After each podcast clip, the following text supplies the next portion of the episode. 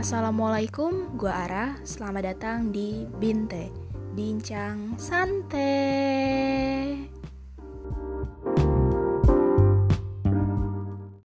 Jadi gue sempet kepo kemarin soal konspirasi covid gitu Sampai akhirnya gue buka-buka artikel tentang konspirasi covid Nah, di artikel itu gue nemu satu nama yang katanya juga menyebarkan konspirasi tentang COVID di YouTube awal Mei yang berjudul Pandemic. Gue yakin kalau misalnya kalian suka nonton video konspirasi COVID, ini tahu deh tentang video ini soalnya sempat viral sih kemarin. Cuma ya video itu udah dihapus sama sama pihak YouTube-nya. Video aslinya ya kalau misalnya video seputar diskusi tentang video itu sih masih ada gitu video konspirasi ini itu dibuat sama Judy Mikovits. Nah, Mikovits ini seorang ilmuwan dengan gelar PhD dalam bidang biokimia dan bio dan biologi molekuler dari George W. George Washington University pada 1991. Salah satu klaim dalam video itu adalah vaksin itu nggak berfungsi, justru vaksin akan membunuh orang.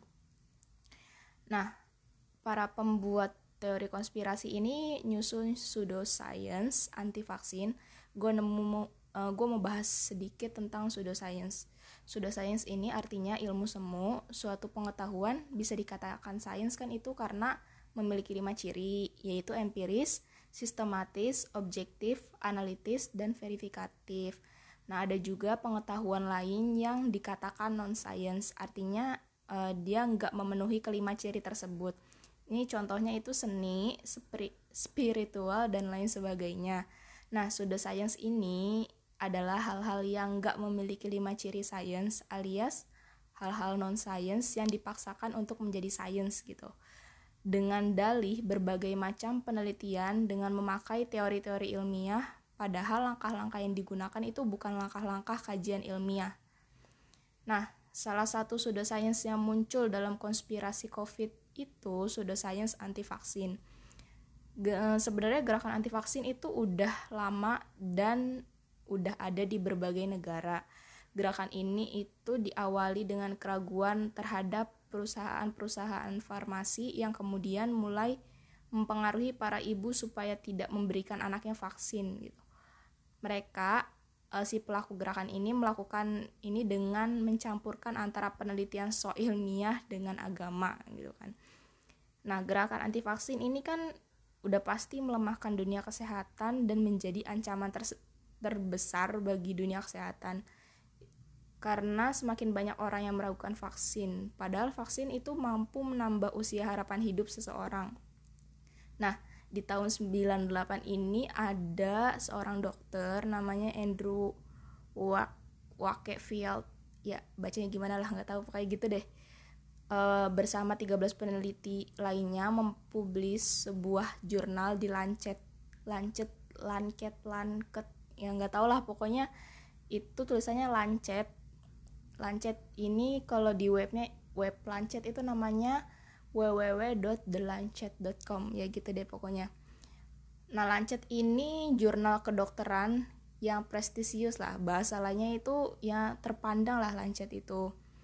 Nah, jurnal yang diterbitkan oleh Dr. Wakefield ini tentang vaksin cacar, gondok, dan rubella men bisa menyebabkan autis.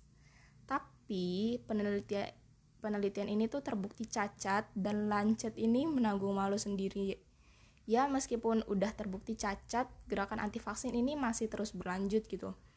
Kenapa gerakan anti vaksin ini bisa lebih cepat merebak dan dipercaya oleh masyarakat?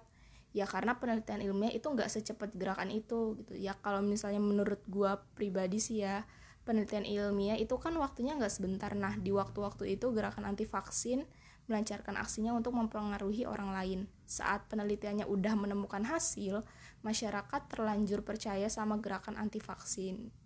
Uh, ini cuma asumsi pribadi gue sih ya, gue nggak apa ya, nggak terlalu berdasar bukan ya nggak berdasar lah intinya gitu.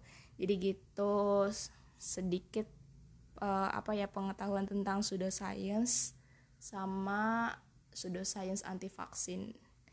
Oke, makasih teman-teman. Segitu dulu ya.